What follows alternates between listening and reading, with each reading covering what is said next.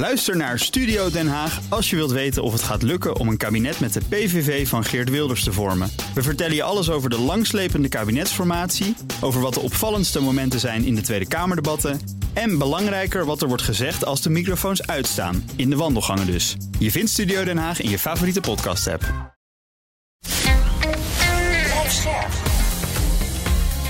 BNR Nieuwsradio. Boekenstein en de Wijk. Hugo Reitsma. Welkom bij Boekenstein en de Wijk. Het is dinsdag, dag 594 van de oorlog in Oekraïne. En we doen vandaag weer een aantal van jullie vragen over Oekraïne, Rusland en de nieuwe wereldorde. Te beginnen met Ultima Parola. Die vraagt: hoe kan het toch dat een land met het BNP van de Benelux, misschien door de sancties inmiddels zelfs wat minder, en zeer geringe innovatieve en hoogwaardige industrie, een oorlog kan volhouden tegen het gehele Westen dat misschien wel honderd keer het BNP van Rusland samen is? Omdat uh, oorlog voor helemaal niet zo duur is. Dat is, dat is gewoon, dat is gewoon uh, de, het hele punt. Als jij voldoende wapens hebt, uh, daar moet je naar kijken. En voldoende munitie hebt, dan kun je dat heel lang volhouden. En je moet dus niet naar het BBP uh, kijken, maar je moet kijken naar de slagorde. En je moet kijken naar de industriële capaciteit van, uh, van, van beide delen van de wereld. En je moet kijken naar wat ze in, in voorraad hebben. En daar zit, het, zit de balans in. Kijk, in principe heeft Rusland altijd disproportioneel veel geld gestoken in zijn, in zijn defensie. En nou, dan, dan krijg je dit. Dus je moet daarnaar kijken. Je moet dus niet naar het BBP kijken. Hmm. En er komt bij dat de olieprijs stijgt weer. Hè? Ja. Dat komt natuurlijk gunstig voor uh, Rusland. En, en, het is een autocratie. Dus een autocratie kan mensen slechter behandelen dan een democratie.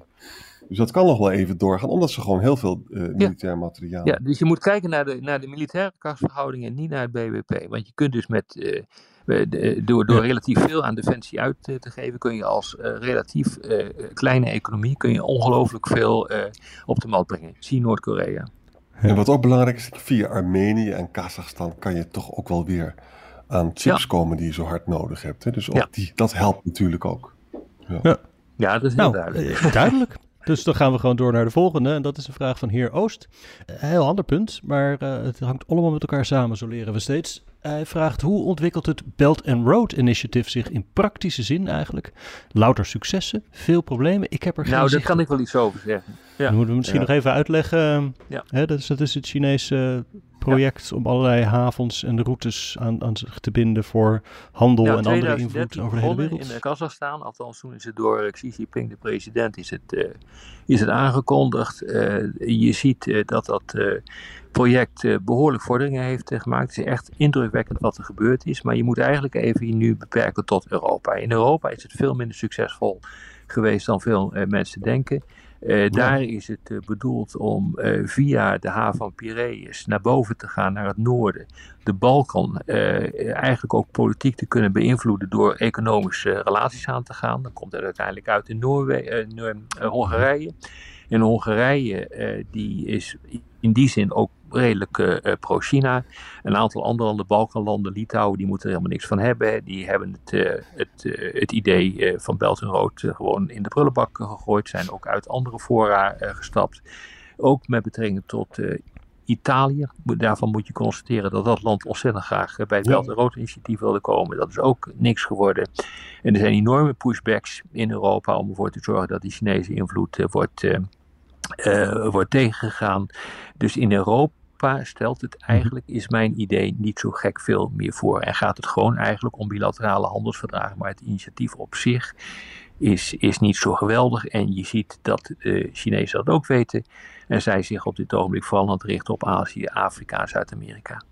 Ja, en in wat Azië en Afrika betreft hoor ik veel verhalen dat uh, de landen gewoon de schulden niet meer kunnen betalen, die leningen. En dat, is, dat, dat, dat ja, China daarop moet afschrijven. Ja, dus we weten vanaf 2018 ja, eigenlijk dat, dat uh, de Chinezen uh, voorzichtig zijn geworden met hun investeringen. Voor die tijd was het zo dat ze overal maar geld in smeten. En, en dan keek je gewoon wat er terecht kwam. maar dat, dat, daar zijn ze mee gestopt. Dat doen ze niet meer. Het is nu wat strategischer wat ze doen. Dus dat betekent dat er in bepaalde sectoren wordt uh, geïnvesteerd. Bijvoorbeeld in het westen wordt er geïnvesteerd uh, in, uh, in high-tech, in de automobielindustrie. In in Oost-Europa wordt er veel meer geïnvesteerd in in infrastructuur om die landen aan zich te binden. Maar dat werkt ook niet zo geweldig. In andere delen van de wereld wordt er veel geïnvesteerd in grondstoffen. Nou, ga zo maar door. Dus het is veel strategischer geworden. Ja.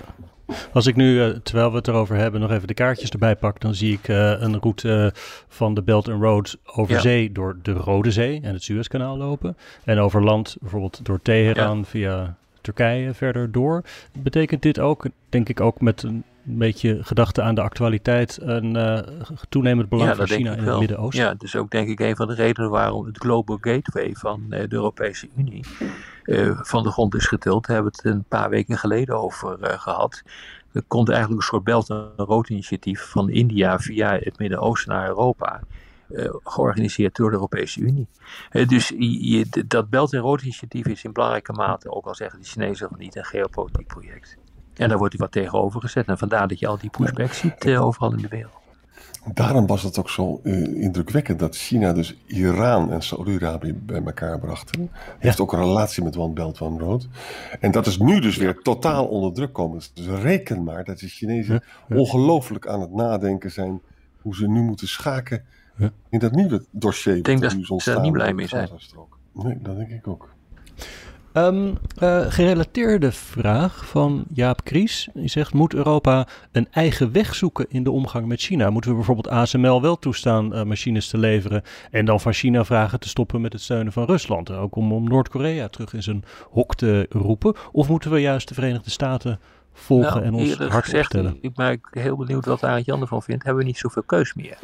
En we hebben onze defensie enorm verwaarloosd uh, gedurende een uh, aantal decennia. En je ziet nu dat de speelruimte ten opzichte van Amerika, door die enorme Amerikaanse steun, met name op militair gebied, uh, die hier naartoe komt, ja, dat die onze speelruimte op economisch-politiek gebied aan het verkleinen is.